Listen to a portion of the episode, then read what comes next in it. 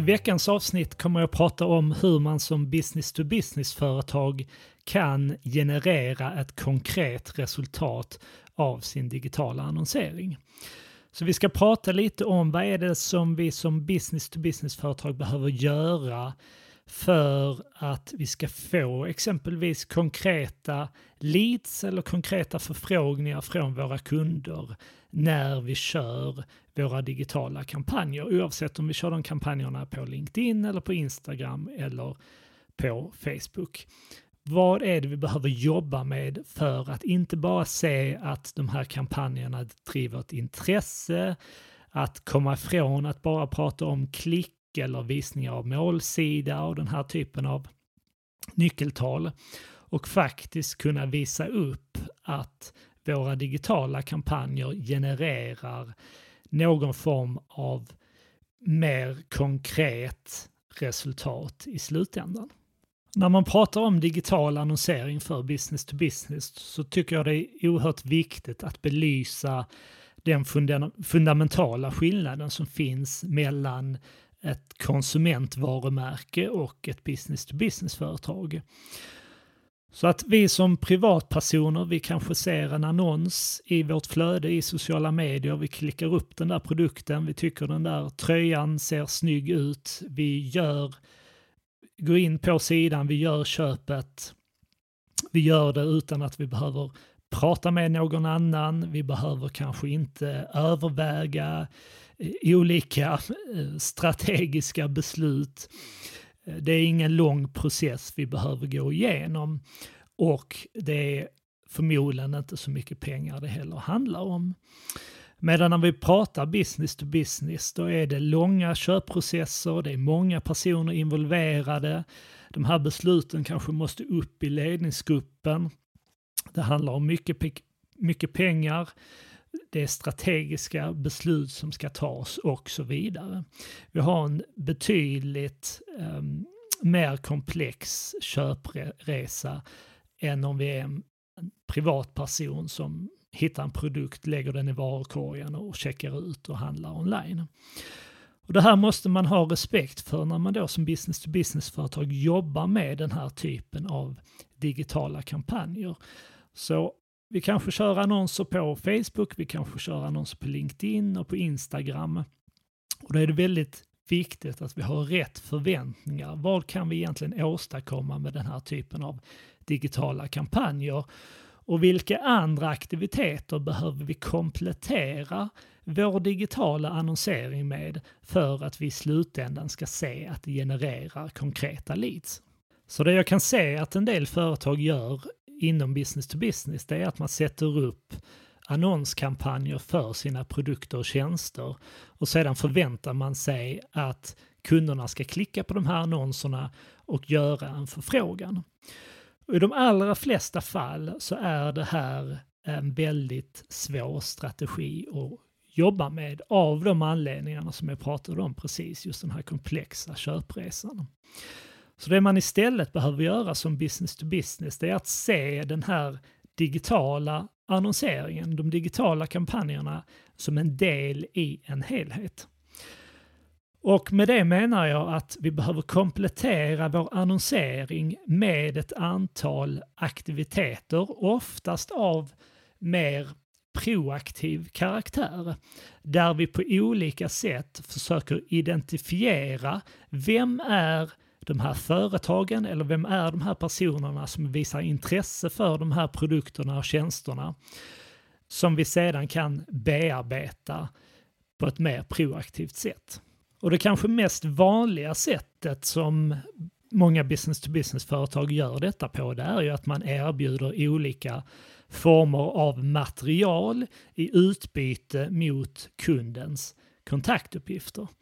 För då kan man plötsligt börja se, ja, men vem är de här personerna, vem är de här företagen som visar intresse i den här typen av frågor?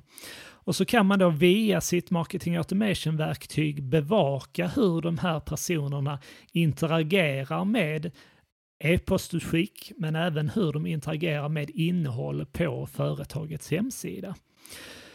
Och så kan man då i förlängningen med hjälp av ett etablerat systematiskt marketing automation-arbete identifiera de personer som av någon anledning ännu inte hört av sig men där man då som säljare kan ta en mer proaktiv kontakt med den här kunden.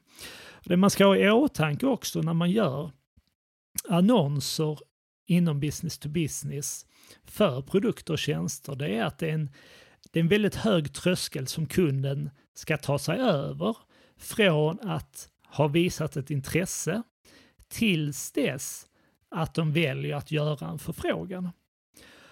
Och jag har sett hur många exempel som helst på när det har blivit affär där leverantören har kunnat identifiera ett intresse.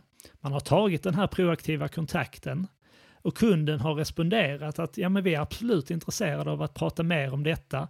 Man har satt upp ett möte och därefter har en mer traditionell säljprocess påbörjats som har resulterat i en affär i slutändan. Så det är oerhört viktigt att komplettera er digitala annonsering med någon form av aktivitet där ni kan börja identifiera vem är de här personerna och företagen som visar ett intresse som vi sedan proaktivt kan bearbeta på olika sätt. Så att ett marketing automation-verktyg i grunden som ligger och fångar upp det här intresset som era digitala kampanjer skapar, superintressant. Där skulle jag råda er att börja arbeta med detta. Köp in ett lite enklare verktyg. Ni behöver inte börja med de här tunga, eh, välkända verktygen som HubSpot och Pardot och så vidare. Eh, ett verktyg som jag tycker är väldigt bra är Drip som eh, möjliggör e-postutskick men som också möjliggör att kunna bevaka hur kunderna agerar på hemsidan men även att ställa in olika regler så att du exempelvis får en notifikation när du ser att en potentiell kund har gjort en interaktion som, som ni vill att de ska göra. Det finns ju även andra sätt att åstadkomma detta som är populära. Det finns olika typer av mjukvara som man kan implementera på sin hemsida. Väldigt enkla verktyg att använda där man kan se vilka företag är det som är inne på de sidor på vår webbplats där vi pratar om våra produkter och tjänster. Leadfeeder är ett sådant populärt verktyg som jag själv har använt från och till. Det finns Lead Forensics, det finns Agency 360 bland annat. Det finns en mängd sådana här verktyg som ungefär har samma funktionalitet. Så där skulle jag också testa ett antal olika verktyg. De flesta erbjuder någon form av prova på-period. Se vilket av de här verktygen som ni trivs bäst med, som ni gillar mest och, och som funkar utifrån det ni vill åstadkomma. Skillnaden här är ju naturligtvis att marketing automation-verktygen, där får vi statistik på individnivå. Vi ser vilka personer det är som interagerar med vårt innehåll. Medan de här verktygen, Leadfeeder exempelvis, där ser vi på företagsnivå vilka företag är det som är inne och tittar på våra sidor.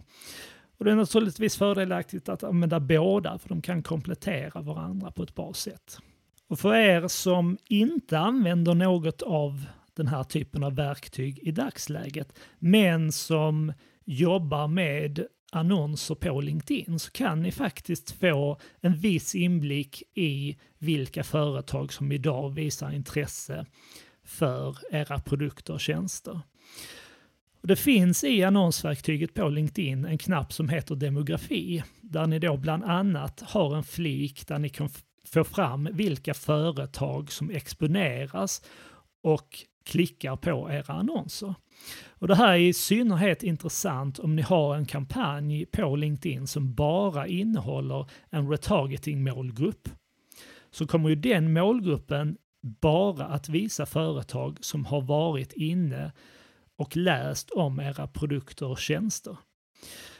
Och där kan ni likadant, precis som ett verktyg som Leadfeed och så vidare, hitta, finns det företag här som kan vara relevanta för oss att proaktivt bearbeta. Så att den här typen av aktivitet, superviktigt för att inte bara köra igång era digitala kampanjer, luta er tillbaka och, och hoppas på att kunderna kommer att höra av sig. Utan låt kampanjerna skapa en medvetenhet, skapa ett intresse kring era produkter och tjänster, men använd de här kompletterande aktiviteterna för att faktiskt få kunden över den där sista tröskeln och för att proaktivt inleda dialoger med potentiella kunder.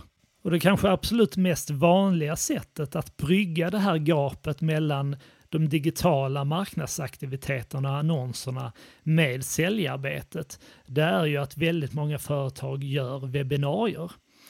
Så att låt säga att ni har en digital kampanj som skapar intresse för en produkt eller en tjänst.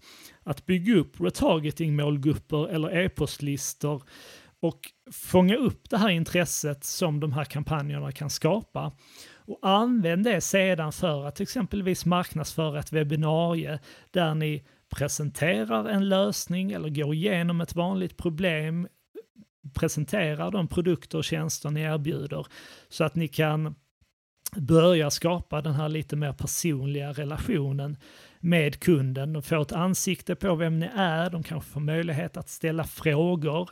Ni får kundernas kontaktuppgifter i och med att de har anmält sig till webbinariet. Och så har ni sedan en möjlighet att följa upp och bearbeta de här kunderna som har visat ett lite större intresse än de som bara har besökt de sidorna som ni länkar till i era annonser. Jag hade nyligen ett samtal med ett företag som beskrev den här typen av aktiviteter som att de erbjöd ett antal olika digitala produkter. Och de här digitala produkterna är kostnadsfria.